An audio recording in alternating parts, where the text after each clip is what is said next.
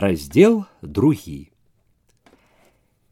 і вось апейка ў інтэрнаце універсітэта на старой пазелянелай ад старажытнасці нямізе ізноў хвалюе тое студэнцкае неперажытае завабнае аб'явы пра сходы пра заняткі нейкі загад записка прыколатая шпилькой хлопцы ёсць лишний билет на паўлінку галёрка самый высокі рад самая танная цана спецыяльна для студэнтаў спяшайцеся пакой нумар 9 яшчэ одна хто ўкраў канспект по замотину неадкладна верніце прыбіральшыца ці дзяжурная добрая з выгляду зусім вясковая тетка, што спаткала яго ля дзвярэй, жаласліва зірнула на апейку, уздыхнула, паківала галавой.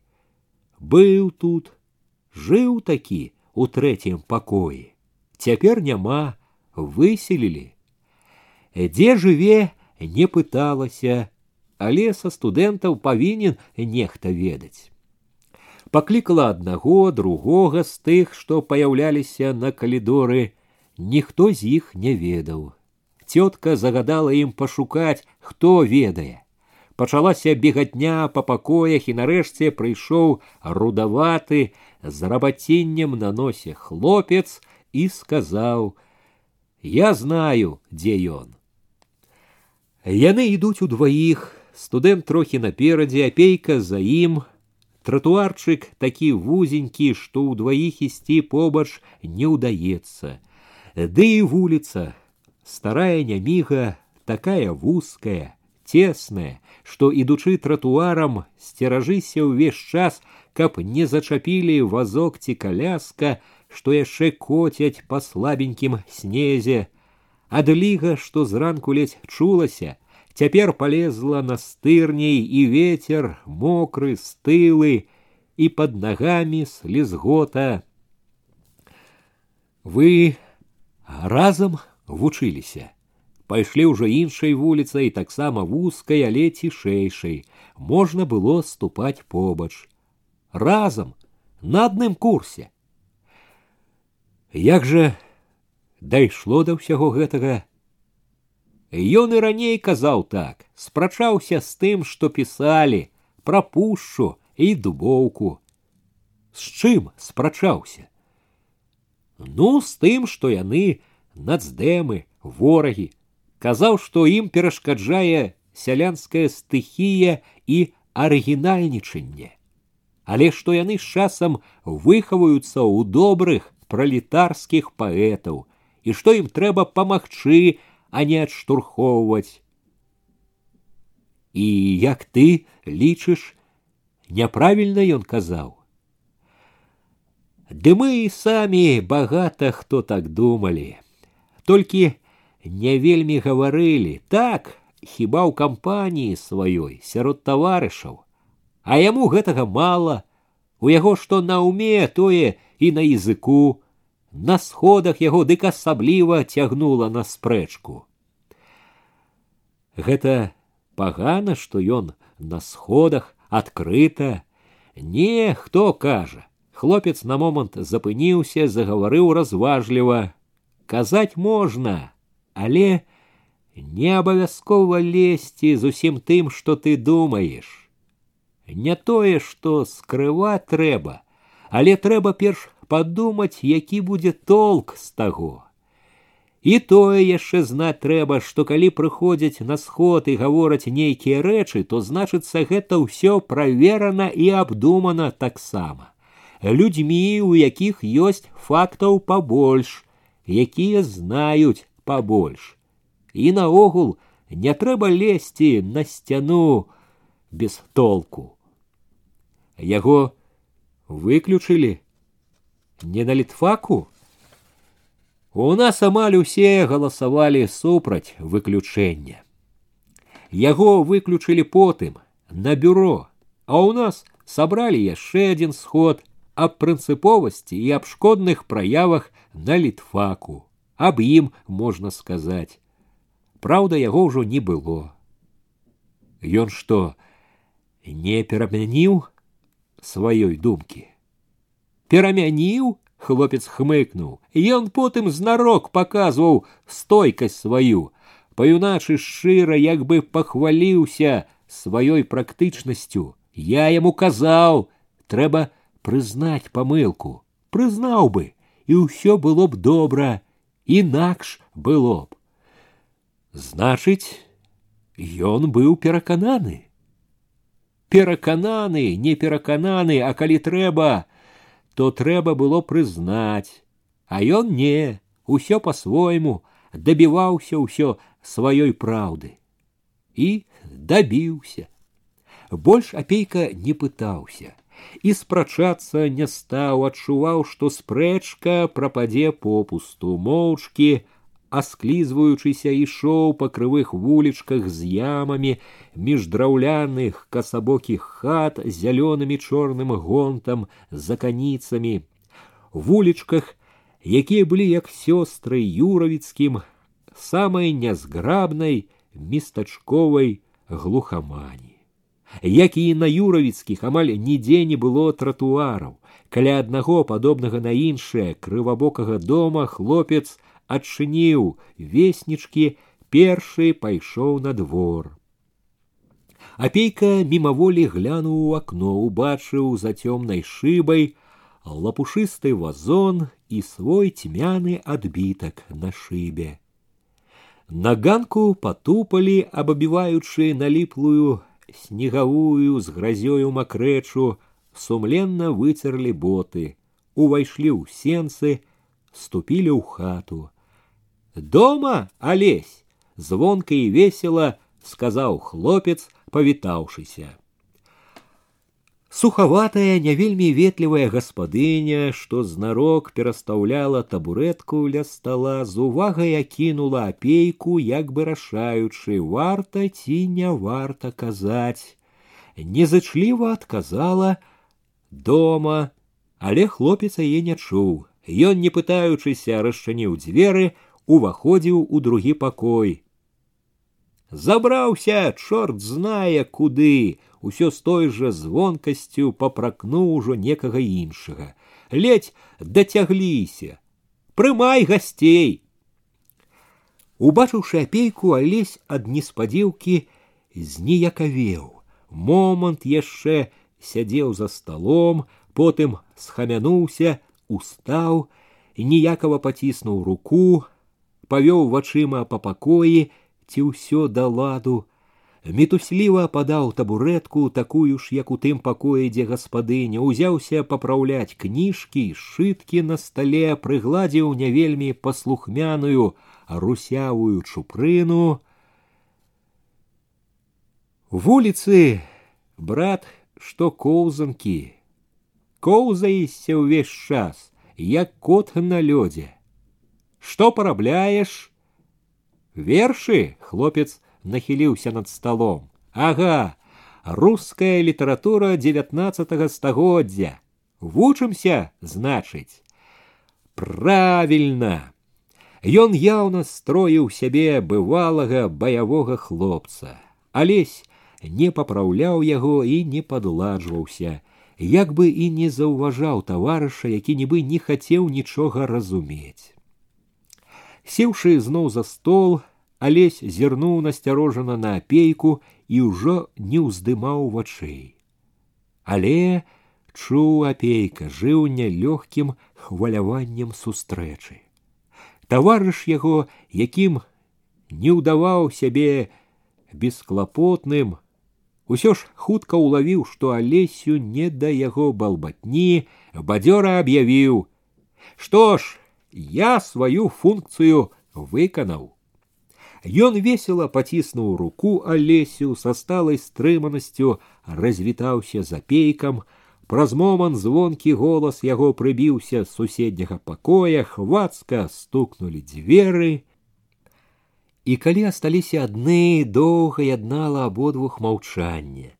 Апейка глядзеў з пяшотаю са спачуваннем з увагаю збоку здавалася алесь не змяніўся вельмі было ў твары у постаці тое ж юнацка мілае, далікатнае, сарамяжае, за якога не зусім і верылася, што гэта ён, гэты далікатны юнак, так цвёрда трымаўся сумлення свайго, стаяў так перад небяспекаю.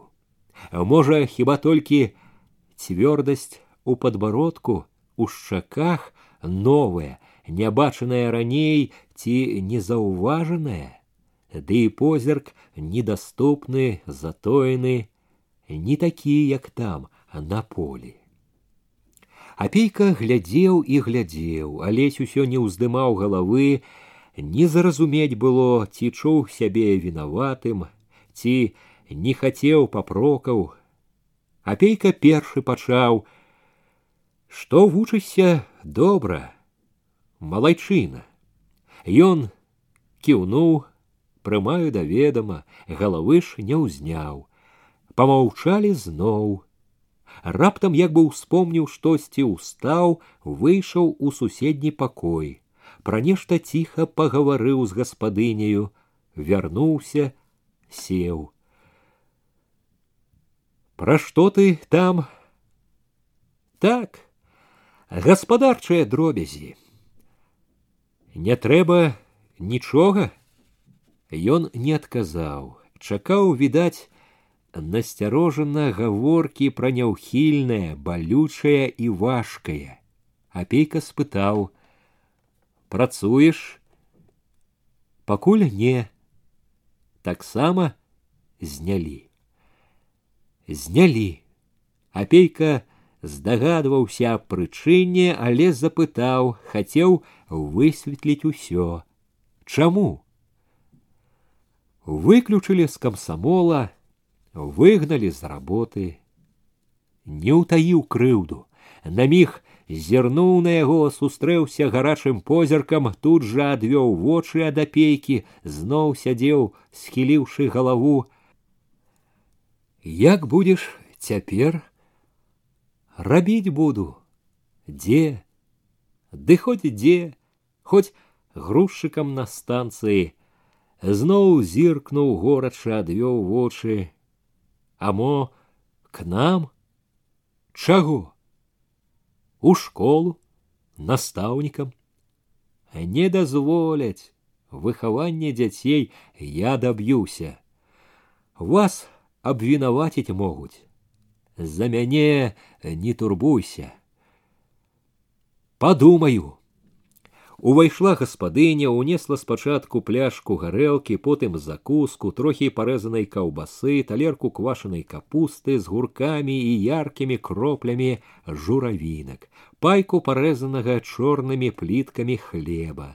Прынесла ўсё выйшла, Алеся наліў у апейкаву чарку, потым у сваю, моўчкі дакрануліся чаркамі, выпілі, сталі закусваць. Апейку павяло на гаворку, пачаў расказваць навіны з юравіцкага жыцця, алесь слухаў моўчкі задуменна, няхутка апейка зачапіў самае чулае, балючае, асцярожна, як да балючага дакрануўся. З-за чаго ўсё гэта? Алесь устаў, выйшаў да гаспадыні зноў пагаварыў пра нешта вярнуўся наліў у чаркі у хаце стукнулі дзверы потым у сенцах за акном прайшоў абрыс гаспадыні цікаўная дужа аж лішне апейка здагадаўся гэта пра старую алесь зноў маўчаў еў паволі сур'ёзна выціснуў нарэшце з-за веры ўсё. Ён як бы іранізаваў сябе. Якой веры?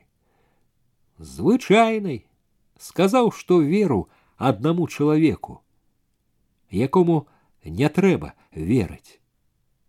Хто гэты чалавек? Пісьменнік, цішка гартны, іранічная усмешка прапала. Зірнуў проста сумна, задумаўся раптам зноў, быў сход у нас дакладчык быў з райкома гаварыў пра міжнароднае становішча пра тое што класавая барацьба абвастраецца што вораг ідзе на ўсё, што патрэбна пільнасць. Правільна адным словам гаварыў. За чаго ж спрэчка? Ён сказаў, што ворагі хочуць зацягнуць у свае сеці студэнтаў, што закідвае вудачкі ўсякая нечысць, нацдэмы розныя, розныя гартныя, з яго слоў выходзіла, што ў літаратуры гэтай нечысці болей як у жаб у балоце, што ледзь не ўсе ў літаратуры людзі падазроныя. Я і выступіў, сказаў, што нельга без падстаў абкідаць усіх гразёю. А ён што? Ён пачырванеў, нават пасінеў, але стрымаў сябе заявіў з абурэннем, што ён не абкідае нікога гразёю, што абвінавачвае таго, хто заслужыў гэтага прадажных нацдэмаў, гартных зарэцкіх і іх кампанію. І як не шкода некаторым цяперашнім гімназістікам іх. Факты ёсць факты. Я выступіў зноў і сказаў, што калі ёсць факты, што зарэцкія гартныя ворагі, то чаму ён іх не назваў, што тое, што ён казаў, адна лаянка, што лаянка, якая яна не ёсць, не замяняе фактаў. Ну, студэнты сталі крычаць, падтрымліваць мяне, а некаторыя з кіраўніцтва дакладчыка сталі даказваць тым, што пра гэта і газеты пісалі, што ворагі. А я на тое, што і газеты без дастатковых фактаў тады і пачалося. А чаму ты так упэўнен, што не памыляешся, што ты ведаеш дастаткова. Чаму упэўнен? Хлопец проста на апейкавых вачах перайначваўся. Ужо і знаку не было нядаўняй сарамяжнасці, ніякавасці, Усхваляваны з чырвонымі плямамі на твары ён зірнуў так горача цвёрда, што апейка раптам адчуў, як ён настаўнік не малады і не сляпы нібы чалавек так мала ведаў яго. Чаму упэўнен? Хоць бы таму, што ён пасылаў свае допісы ў праўду, тады, калі бальшавікоў на катаргу ссылалі ці таму што ён сам падпісваў дэкрэт пра абвяшчэнне савецкай улады ў беларусі хіба гэтага ўжо аднаго мала каб верыць чалавеку так гэта нямала нямала а ў яго ж ёсць і такі дробны доказ як дзесятак кніг Ён першы ў нашай літаратуры яшчэ да рэвалюцыі выбраў сваім героям рабочага. Недзеля выгадыш. Так, я сваім дурным розумам мяркую. Выгаду гэта ў той час, здаецца мне, наўрад ці давала. Значыць, выбраў ад душы, ад духоўнага братэрства. Сам рабочы ён і выбраў сабе ў героі такога ж рабочага і гаварыў аб ім і ад яго, так мне здаецца па адных кніжках здаецца можна было б зрабіць вывад што за чалавек а я ж яшчэ ведаю яго трохі і можна сказаць асабіста ведаю як прыхільна прымаў ён кожную кніжку такіх як я але ж у яго былі грахі памылкі і сур'ёзныя былі згадзіўся алесь зноў зірнуў горача ясна а як іх магло не быць иван анісімавіч памылак былога гарбара поставілі раптам кіраваць цэлай рэспублікай цэлай можна сказаць дзяржавай поставілі даваць новыя ацэнкі ў такой складанай гісторыі народа як можна было не памыліцца ні разу жывучы ў такі незвычайны такі бурны час для гэтага трэба было я не ведаю кім быць геніем Эдыкі геніі ж рабілі памылкі, ды яшчэ якія возьмите хоць бы толстога, а ён жа не геній, Ён да ўсяго не вельмі і граматны, ён у нечым і астаўся на ўзроўні гарбара. Я сам чуў, як некаторыя больш адукаваныя пісьменнікі падсмейваліся з яго, з капыльскай мовы, з манеры гаварыць, яго адукацыя капыльскія вечары над кнігамі, гутаркі з рабочымі, з салдатамі, у рызе, у Петербурзе а трохі пабыў каля вопытных партыйных кіраўнікоў у Маскве. Вось і ўвесь яго універсітэт перад тым, як яму трапілася стаць у першы рад народа. Дык хіба ж дзіўна, што ён і нямала зрабіў добрага і нямала наблытаў. Хлопец быў так усхваляваны, гаварыў так шчыра, што апейка сам хваляваўся, паддаваўся і яго шчырасці і ўзрушэнню і разумнасці просто дзіўнай для такога зялёнага юнака разумнасці, сталасці яго разваг. Быў ужо не толькі жаль аб ім, а і гонар, неспадзяваны, невыказаны гонар за яго, як бы недарэчная радасць. З роздумам, даверліва, як сябру, Алесь сказаў: « Па праўдзе Іван Анісімович, яго трэба было паслаць на добрыя паліткурсы, пабачылі, што памыляецца часта, папрасіце, каб вызваліў крэсла, і каб не траціць добрага чалавека, які яшчэ можа спатрэбіцца, пашліце павучыцца. У свой час яму не было калі вучыцца. Калі ўжо на тое памыліўся асабліва сур'ёзна, зрабіў асаблівае глупства, наківайце строга, суровую вымову ці яшчэ што дайце, Я так мяркую сваёй дурной галавою. Дык не ж, зразу нацдэм, нацыянал-дэмакрат, прыслужнік буржуазіі, вораг, ды яшчэ не смейце сумнявацца. Ён быў увесь перад апейкам са сваёй крыўдай, сваім роздумам, сваімі перакананнямі. Было ў ім нешта вельмі юнае, амаль дзіцячае, бездапаможныя. У тым, як ён гаварыў, з якой крыўдай, і было разам на дзіва сталае, дарослае, у тым, як ён разважаў. Апейка дзіўна чуў, што няхай хоць бы ў тым, што ён казаў, ён ведае не менш, а больш за яго, не маладога ўжо чалавека. Ад гэтага ў апейкі было дваістае пачуццё да алеся, і як бы бацькі і таварыша. І дваістасць была яшчэ таго, што ён бачыў, што хлопец не вінаваты, што ўсё тое, што напісана было паклёп, і апейка рад быў гэтаму, не памыліўся ў ім. Але разам быў яшчэ і боль за тое, што на добрага савецкага хлопца навалілі такую няпраўду, што абышліся так чэрства і так несправядліва. Што апейка мог сказаць яму?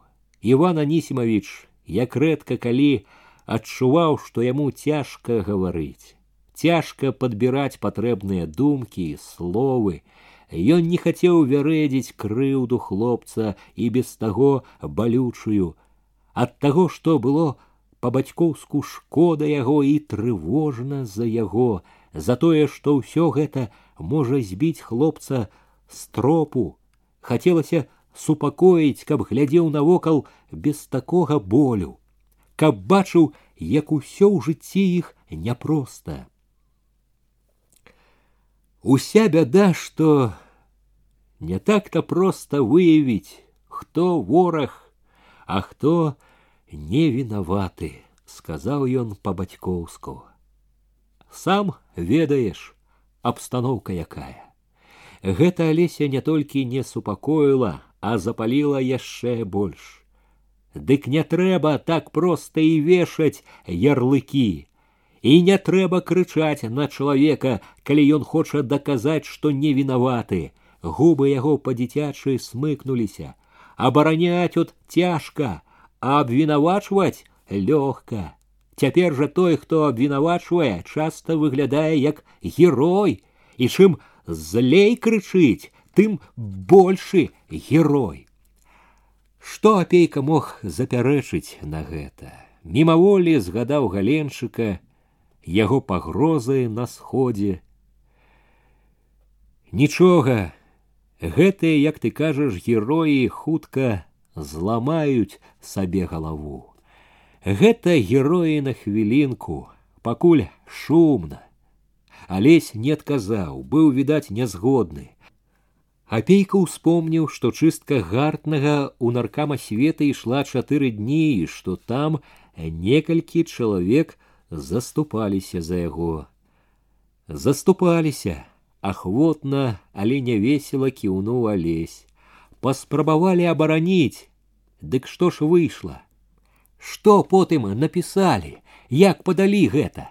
Арганізаваная вылазка раз'юшанай нацыянал-дэмакратыі на бязлітасную барацьбу з нацдэмакратызмам дапаможнікам сусветнага сацыял-фашызму, то ні за што навесілі знак нацдэма, то ўжо гатовы аб'явіць немало немного фашыстам і заадно людзей, якія сказалі, што гэта няпраўда, што ён пры ўсіх сваіх грахах савецкі чалавек, бальшавік. Ідзе сказалі, на адкрытым партыйным сходзе. Алесь, як бы штосьці раптам успомніўшы, стаў хутка корпацца ў паперах. Дрыготкімі ад хвалявання пальцамі выцягнуў лісток, спісаны яго почеркам, дрыготкім ад узрушэння голасам загаварыў.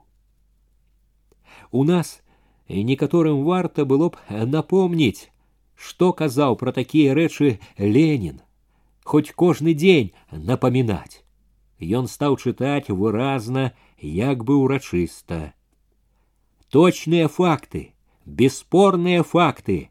Вот что особенно необходимо, если хотеть серьезно разобраться в сложном и трудном вопросе.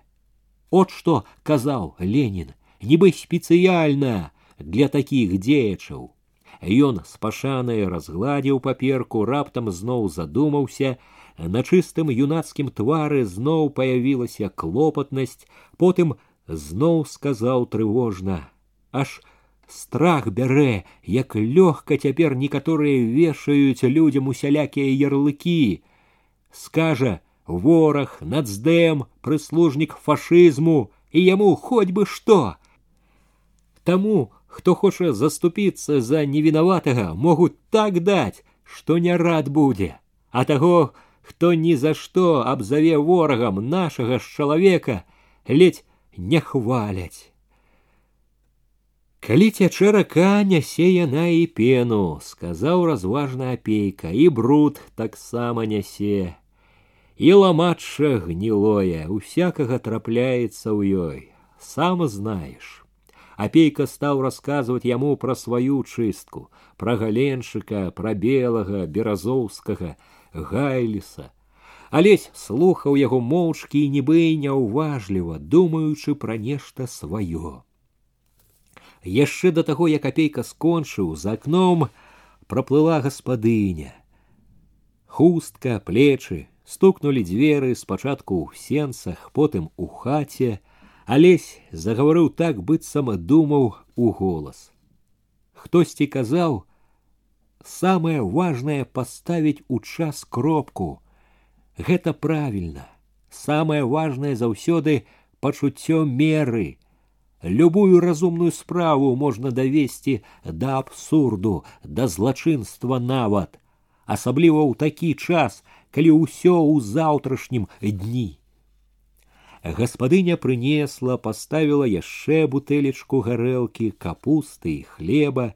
Апейка сказаў, што піць больш не будзе, папракнуў алесе за тое, што п'е, той адказаў знарок бесклапотна: « Гэта нячаста. Трымацца трэба. Стараюся. Яны яшчэ нямала гаварылі найбольш ужо аб родных мясцінах, знаёмых людзях, успаміналі сустрэчы перажытыя між гэтых успамінаў апейка па бацькоўску параіў напісаць матцы і сястры супакоіць іх пра што не гаварылі жыў у апейку не адступаў ні спакой пра алеся ў лёс. Сказаў яму напісаць заяву ў ЦК камсамола, папрасіць пераглядзець усю гісторыю. Я напісаў. Не адказалі яшчэ. Не. Алесь правёў яго да гасцініцы, з гасцініцы апейка адразу пазваніў беламу, але таго не было. Ён пазваніў другі раз і таксама не застаў. Толькі на трэці раз апейка пачуў голас белага. Белы адазваўся прыхільна, але сказаў, што цяпер заняты вельмі і сустрэцца можа толькі праз паўтары гадзіны.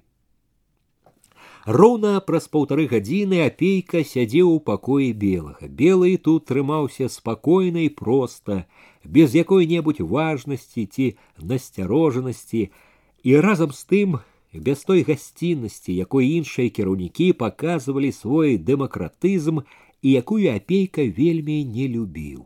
Ён пацікавіўся, як апейка ўладзіўся ў гасцініцы, сустрэўшыся з ім позіркам апейка чакаў ужо што ён зараз захоча даведацца прычыне візіту яго калі белы раптам запытаў ці чытаў апейка рашэнні лістападаўскага пленума ЦК стаў расказваць пра тое што апейка ведаў пакуль толькі па чутках пра справу бухарына пленум сказаў белы абмеркаваў новую заяву бухарына рыкава і томскага ад 12 лістапада ацаніў яе як фракцыйны манеўр падобны да трацкіскіх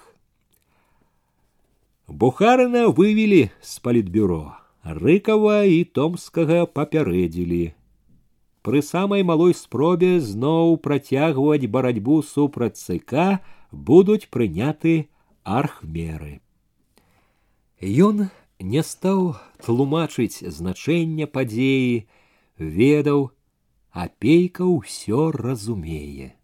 Апейка заклапочана помаўчаў, нібы паказваючы, што і не трэба тлумачыць. Правая пазіцыя зноў рашыла даць бой і пацярпела паражэнне.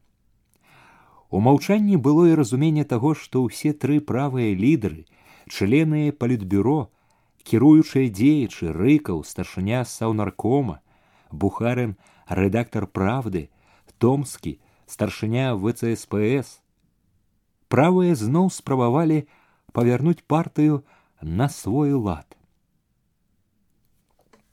ён зірнуў на апейку нібы пытаючыся які клопат прывёў сюды уважліва слухаў пакуль апейка расказваў пра алеся пра бяду яго калі апейка скончыў стрымана дзелавіта сказаў добра я займуся гэтай справай што змагу зраблю ён запісаў прозвішча імя запытаў каму ў цк камсамола напісана пісьмо апейка заўважыў што аловак трымае ён у руцэ цвёрда і піша цвёрда і падумаў што ён праўда зробіць усё што можа белы зірнуў засяроджана раптам загаварыў павольна важка тут яшчэ з адным пісьменнікам гісторыя была з мехасём зарэцкім тым который напісаў роман сцежкі дорожкі зарэцкі як кажа ваш паэт таксама нямала наблытаў Яго моцна пакрытыкавалі і не толькі пакрытыкавалі. Той сёй спартыйных кіраўнікоў рашыў, што яму наогул не месца ў партыі. Далі такую параду ў пярвічную ячэйку, дзе быў зарэцкі, у ячэйку дзяржаўнага выдавецтва. Там разабралі яго справу, і хоць з-за зарэцкага некаторыя моцна заступаліся, выключылі. Девять было за выключэнне сем супроць.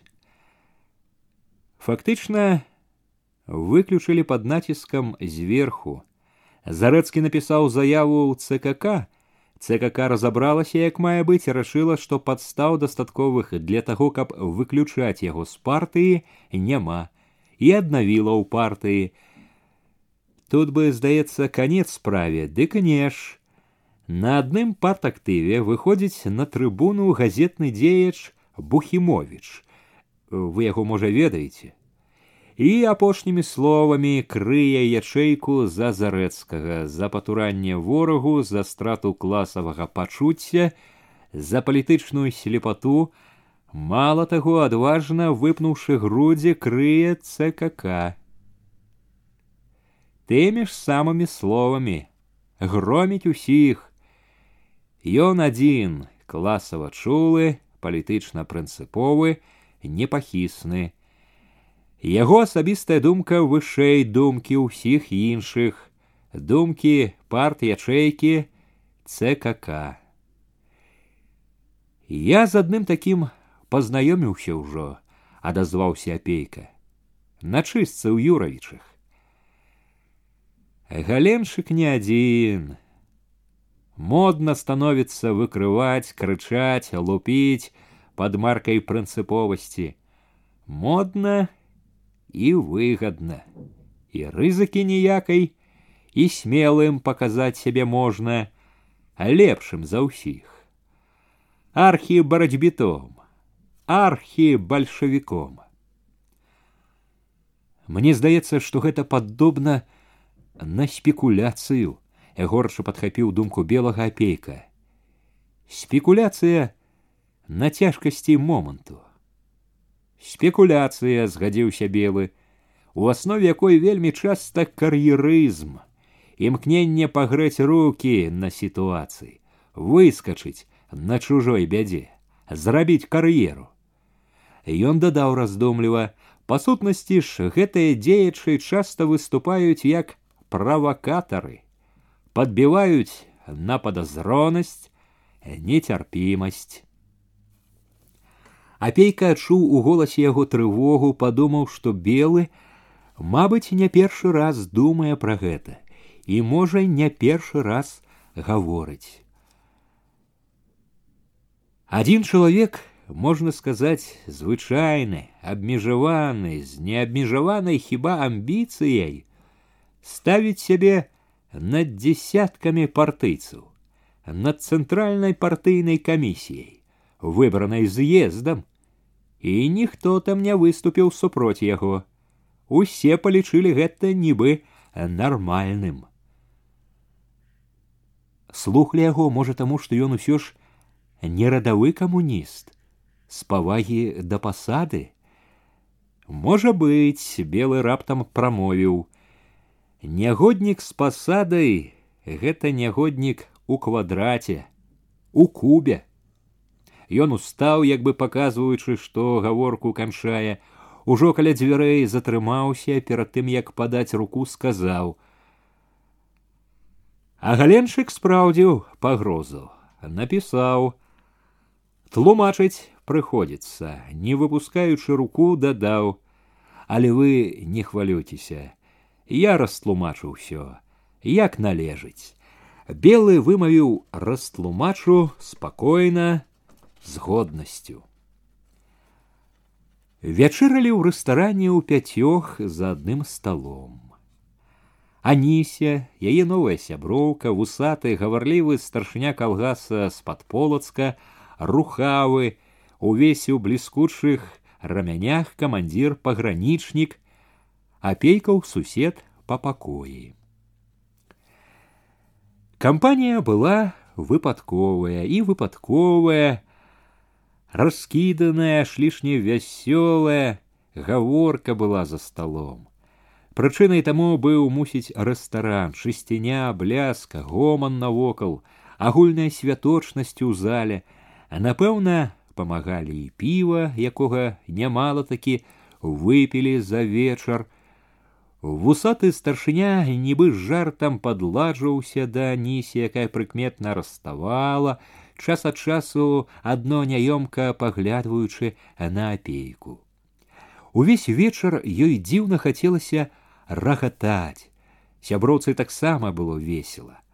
Асвойтаўшыся з прасцецкім таварыскім пагранічнікам, яна дапытвалася з захапленнем і страхам, а шпіёнаў вы лавілі, а якія яны А няўжо ж вы іх так проста бачылі?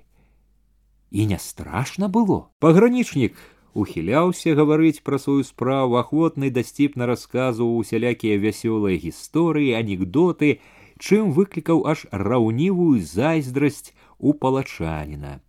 Анісія таксама з захапленнем смяялася пагранічніку. Апейку, хоць ён за таварыскасці падтрымліваў кампанію, было не вельмі весела. Была нейкая хваравітая ўзрушанасць і гаварыў неспакойна і слухаў нецярпліва, і ўвага была прычэплівая, зласлівая. Не падабалася легкадумнасць зямлячкі, злавала назойлівая, не заўсёды разумная балбатлівасць старшыні. Адно пытанне яго ледзь не прарвала апейкаву стрыманасць. Вельмі сур'ёзнай разам з усмешачкай, як бы звысака вусаты запытаў: « А праўда, вашы кажуць, палішукі мы, а не чалавекі. Ён захіхікаў, покрутил головою.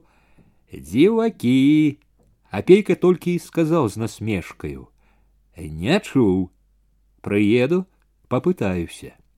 А ён першы ўстаў за стола, папрасіў прабачэння, развітаўся, у пакоі адразу ж раздзеўся, лёг у пасцель, думаў тут жа засне, але сон не ўзяў.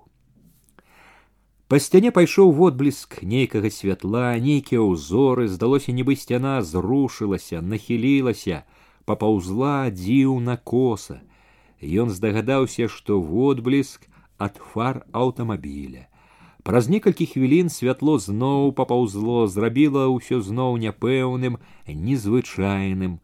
Паўзлі зноў дзіўныя ўзоры, знакі, што як бы дадавалі ўражання незвычайнасці. Ён падумаў, Ад чаго гэтыя знакі? Ад феранак, ад рам, ад галін са скверу, але ўражанне незвычайнасці няпэўнасці так і асталося ў душы. Ніяк не ішло супакаенне, бачанае ўдзень, чутае, сказанае лезла ў галаву, нагадвала, хвалявала. Учапілася недарэчна Ці праўда вашы кажуць самі палішукі мы, а не чалавекі, пашкадаваў, дарэмна не адказаў як след, адбыўся жартам. Трэба было сказаць, як мае быць. Не знайшоўся. У яго заўсёды разумнае прыходзіць у галаву потым. Самі кажуць, палішукі мы, а не чалавекі. Чаму гэта пайшло так шырока? Чаму гэта вераць? Ці таму, што яно падобна на анекдот, як анекдот, як парадокс урэзваецца ў памяць, а людзі бяруць на веру дзівяцца, вераць, і газеты нават пішуць часам раней палішукі самі гаварылі палішукі мы не чалавекі. Праўда, разумныя людзі ў газетах Тлумачыць гэта праклятым мінулым людзі былі такія цёмныя, дзікія, што не лічылі нават самі сябе за людзей, чалавекаў. За каго ж яны сябе лічылі? У гэтым цяпер у неспакойнай цемры асабліва апейка чуў нешта вельмі крыўднае, абразлівае. Ён чуў гэта і як крыўду сабе.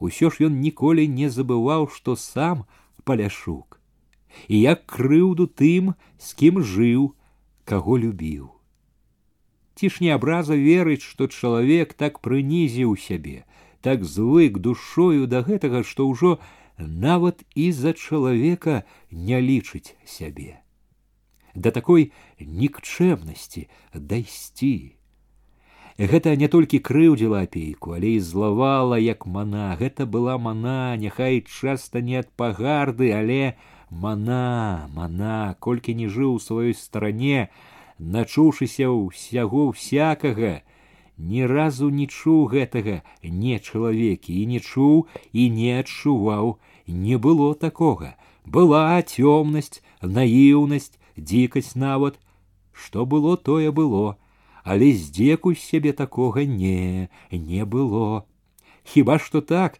для выгляду з хітрыкаў якіх для якой-небудзь сваёй карысці з хітрыкаў гэта маглі для якой-небудзь выгады маглі сказаць і што-небудзь падобнае сказаць каб потым парагатаць з нягегласці таго хто поверыў з даверлівай дурнаты як маглі не заўважыць у многіх з гэтых нечалавекаў век жыло перакананне што яны вышэй за другіх што ў іх і законы і парадкі лепшыя і яны самі разумнейшыя Што ёсць, тое ёсць.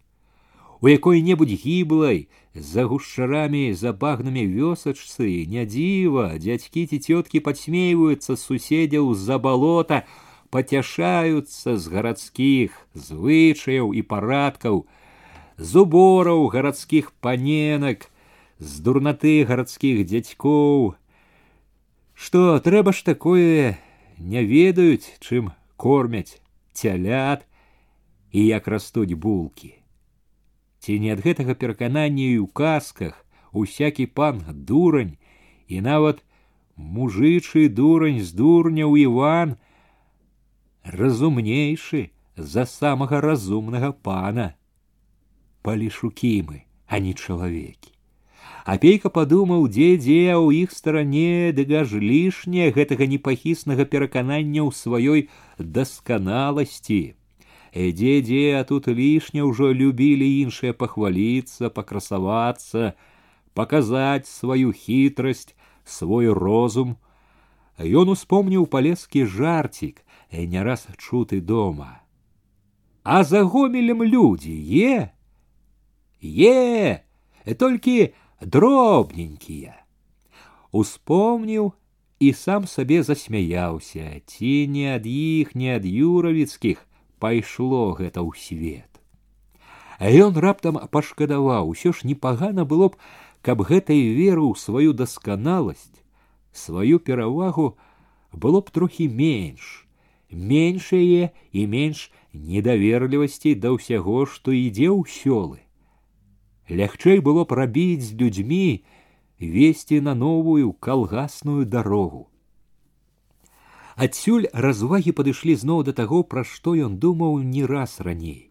Як мала ведаюць пра палесе, пра вялізны балотны край, пра мільёны людзей. Большасць нібы культурных людзей, калі даводзілася гаварыць пра палесе, прыгадывала некрасаўскае: Видишь, стоит изможденно лихорадкою высокорослый больной белорус. Ноги опухли, колтун в волосах. Іншыя ўспаміналі што-небудзь падобнае на палішукі мы, а не чалавекі. Апейка пачаў перабіраць у памяці, што гавораць пра палесе кнігі. Ён чытаў іх усе, якія мог дастаць.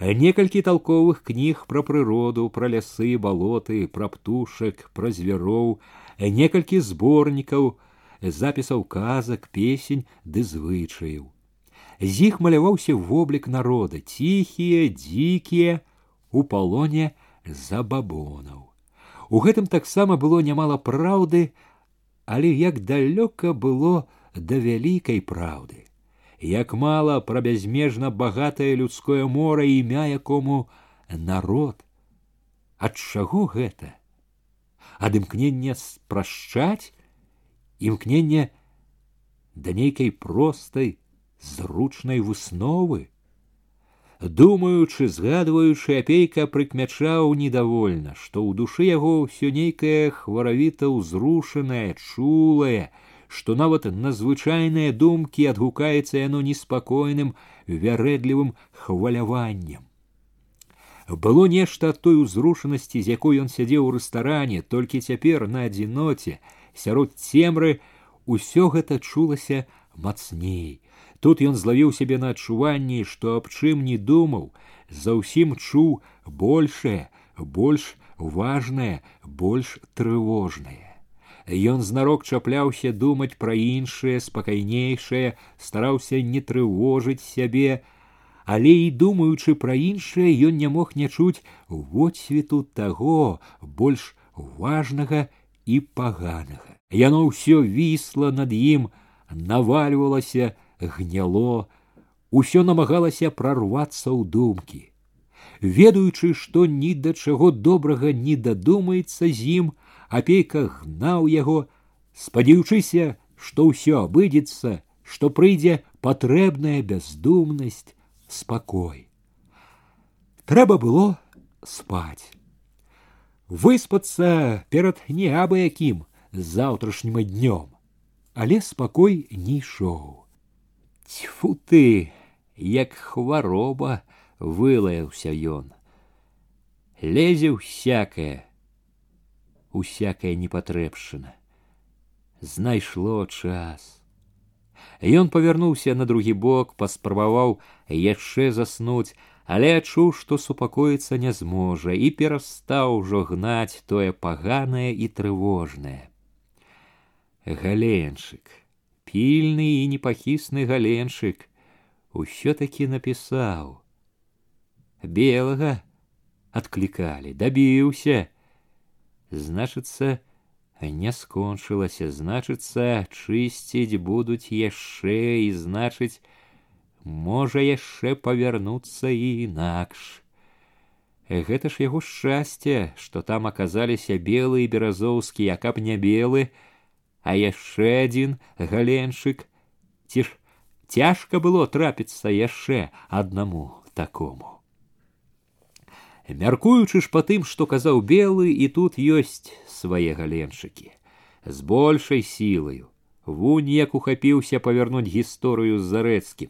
На цэлую партячэйку на цкк адважна замахнуўся. Зноў убачыў, як зрушыла, нахілілася коса папаўзла сцяна. Стала потырч, упала ў цемру, адолеў адагнаў кволасць, глупства ўсё. Далікатныя нервы, п'яны хмель, піць не трэба было, не трэба.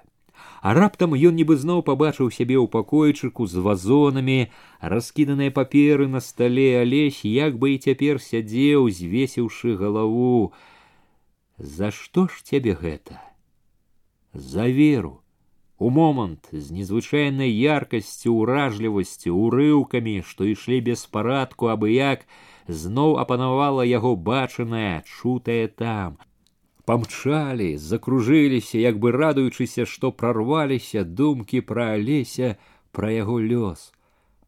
Чаму з ім так абышліся? Таму толькі што сказаў тое, што думаў, у чым яго парушэнне камсамольскага статута, парушыў дысцыпліну, не згадзіўся з думкай райкома, але ж сіла наша не ў бяздумнай дысцыпліне, сіла, у калектыўным розуме і ў калектыўным сумленні. Дысцыпліна павінна быць зліта з сумленнем, з перакананнем, нават ваенная дысцыпліна, лепш за ўсё, калі яна свядомая.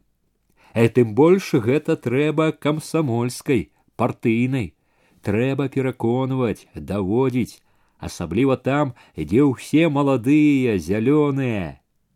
Чаму ж зразу камандныя вокрыкі, чаму зразу пракурорскі прысуд зразу выкідаць. Хіба тое, што ён сказаў папярэчыць чым-небудзь генеральнай лініі партыі. Чаму ж выкінулі?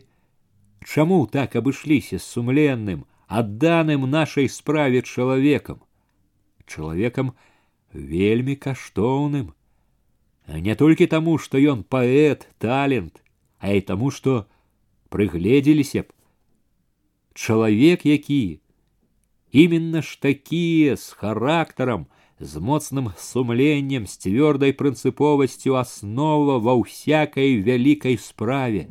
Именно яны, сыны і ўнукі тых, хто калісьці ішоў і на катаргу і ў ссылкі за сваіх перакананняў. Именно такія могуць выстаяць у часіны трудных выпрабаванняў выстаяць, не пахіснуцца, а такія не будуць адседжвацца ў зацішку. Именно яны а не тыя, хто і цяпер у мірны час адседжваюцца, адмоўчваюцца, туляются, што гатовы наперакор свайму заячаму сумленню, разумна глядзець на ўсё, больш за ўсё асцерагаючыся якой-небудзь рызыкі. Чаму прыстасаванец з душой слізня іншы раз больш даспадобы, чым характар сумленны, надзейны, але неспакойны. Ён сказаў, што сумняваецца. Што ж, дакажыце, пераканайце яго, не пашкадуйте часу і клопату. Именно у таких неспокойных, открытых, принциповых сила народа, сила партии, живая сила. Ён заступіўся за чалавека, а чаму ён не мог заступіцца, калі не ўпэўнен у тым, што той вінаваты. Хіба б лепш было, каб ён не ўпэўнены, што чалавек вінаваты наперакор свайму сумленню прамаўчаў бы каб ён па сутнасці зрабіў подлы ўчынак.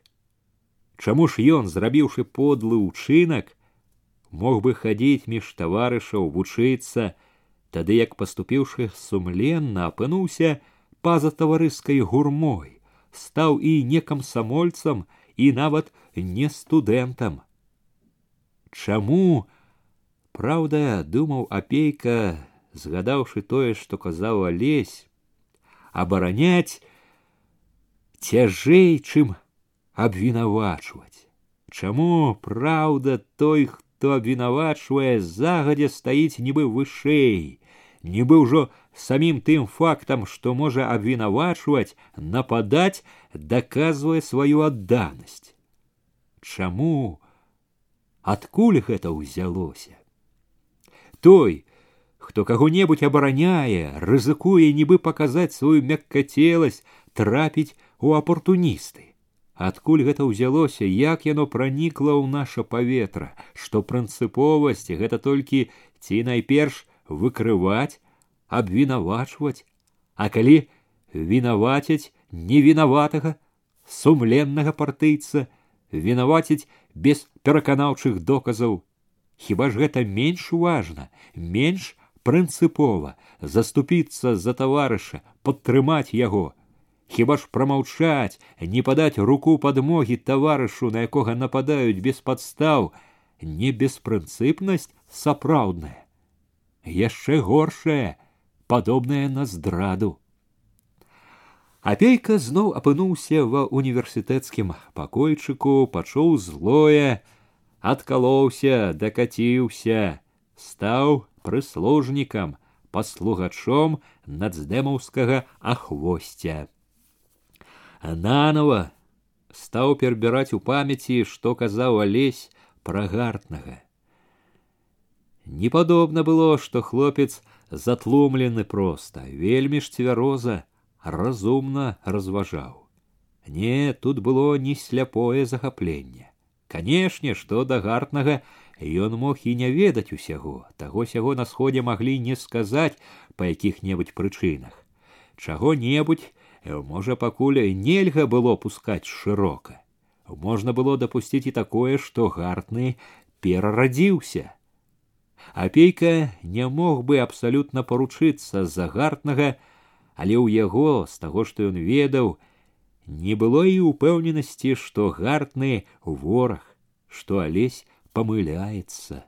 Мімаволі прайшло ў думкі, ці не было тут з гартным, падобнага на тое, як выкрываў галенчык яго апейку. А таксама ж прамова была пераканаўчая з фактамі. І тут ці не факты такога ж парадку і тая ж праўда. Памяць нагадала, калі так проста было абвінаваціць у контррэвалюцыйнай прапагандзе адну з цэнтральных газет, то хіба ж не маглі так жа прышыць бірку нацдэма ворага аднаму чалавеку, э, тым больш, што чалавек гэты мог быць і не зусім не вінаваты. Хоць вінаваты зусім па-іншаму, як бальшавік, што рабіў памылкі ў рабоце адразу падумалася колькі ў любога чалавека асабліва з тых хто на кіруючай рабоце такога к чаму можна пры ахвоце прычапіцца прычапіцца крыва растолкаваць, перавярнуць усё да гары нагамі. І калі такое могуць зрабіць з чалавекам, які адданасць сваю даказаў даўно і ясна, то як жа тым, у каго таких доказаў няма, у каго звычайная біяграфія, а то яшчэ і пляма якая брат кулак ці яшчэ які чорт. Лупіць за пляча, канешне, лягчэй, чым развязваць, разбирацца. Лупіць за пляча яно і больш надзейна. Само по сабе відно рэч прынцыповая. Але ж сячы за пляча добра было, калі конь імчаў цябе насустрач ворагу, яўнаму ворагу, тады калі не было як разбірацца, калі трэба было дзейнічаць адразу. Сячы гэта неабходнае ў вайну супроць яўнага ворага. Але як сячы тут, дзе наступаюць не ланцуг на ланцуг, дзе свой вораг разам, дзе добра і злое пераблыталася, сплялося, дзе лёгка секануць шабляй не толькі па ворагу, а і па сваім. Чаму ж іншыя гатовы секануць па табе толькі за тое, што ты хочаш разабрацца перад тым, як узняць сваю шаблю что ты хочаш першым рашыць, разблытаць, разгледзець таго, хто перад табой, пільнасць, пільнасць якраз і павінна быць зліта з уважнасцю, з імкненнем разабрацца ва ўсім добра.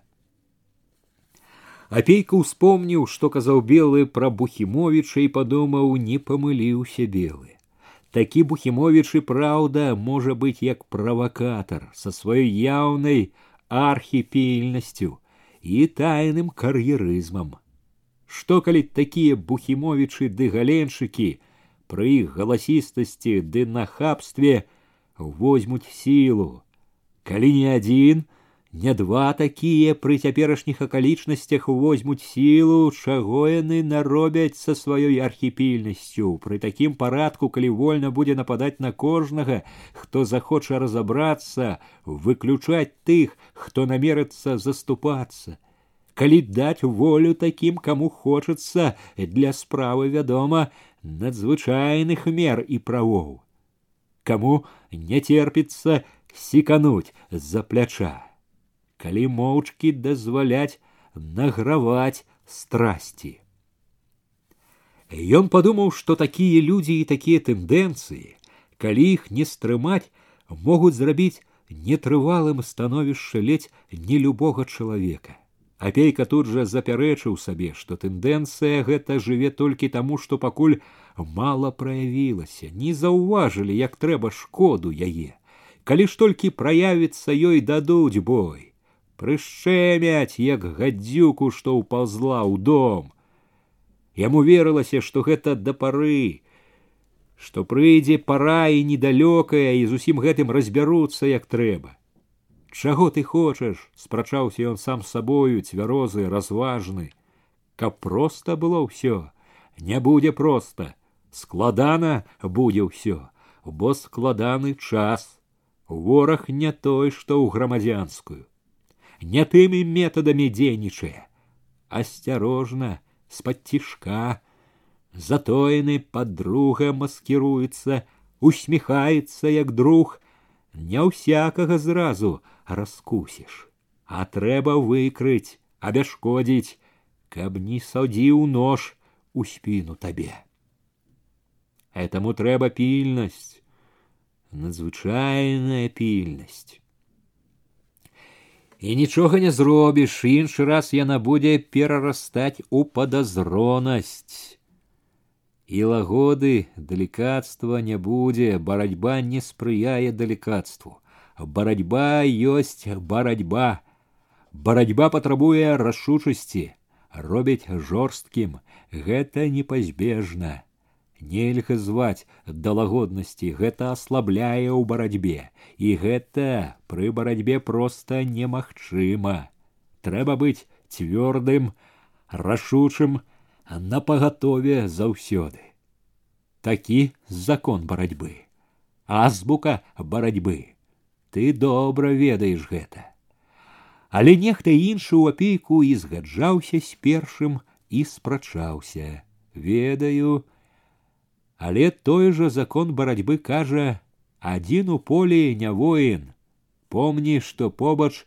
плячо друга памагай таварышу ён паможа табе толькі з таварышамі ты дужы ты баец уся соль у простай ісціне разбірацца хто друг хто вораг берагчы друга нішчыць ворага такая простая ў думках і такая няпростая ў жыцці ісціна дзе ворага можна палічыць за друга а друга за ворага пільнасць уважлівасць суд сур'ёзны справядлівы адзін закон абавязковы для кожнага толькі факты бясспрэчныя факты помніць заўсёды так усё можна давесці да абсурду да шкоды згадзіўся ён успомніўшы алесевы словы ва ўсім праўда патрэбна пачуццё меры пачуццё рэальнасці успомніўшы алеся зноў апейка думаў ужо толькі пра яго перабіраючы гаворку апейка чуў цяпер неадступнае нездавальненне з сабой ён не зрабіў усяго, каб правільна накіраваць хлопца. Дзіўна ён, вопытны чалавек у гаворцы з хлопцам часта не знаходзіў патрэбных слоў. Зялёны хлопец сваімі гарачымі думкамі нібы часта адольваў яго, старэйшага і вопытнага. Усё таму, мабыць, што ён апейка аказаўся не гатовым да такой гаворкі, мала ведаў, стаў як бы вучнем узяло трывожнае бацькоўскае каб не надламала гэта ўсё хлопца мы што мы старыя ваўкі тоўстая скура а нас цяжэй збіць а яму як кволаму парастку ды яшчэ з чуласцю яго апейка падумаў што трэба зрабіць усё каб памагчы хлопцу выратаваць яго ужо вярнуўся камандзір пагранічнікаў потімку раздзеўся скрыпнуў ложкам захроп а яму ўсё не спалася інтэлігенцкая мяккацеласць сказаў бы башлыкоў сам падумаў з папрокам сабе усё ж нервы распусціліся і не трэба было піць. Намаганнем волі прымусіў сябе супакоіцца зусім, трэба спаць. Заўтра важны дзень. Засынаючы ўжо ўбачыў апошні раз, як па сцяне коса паплыло святло з плошчы, паплыло і прапала.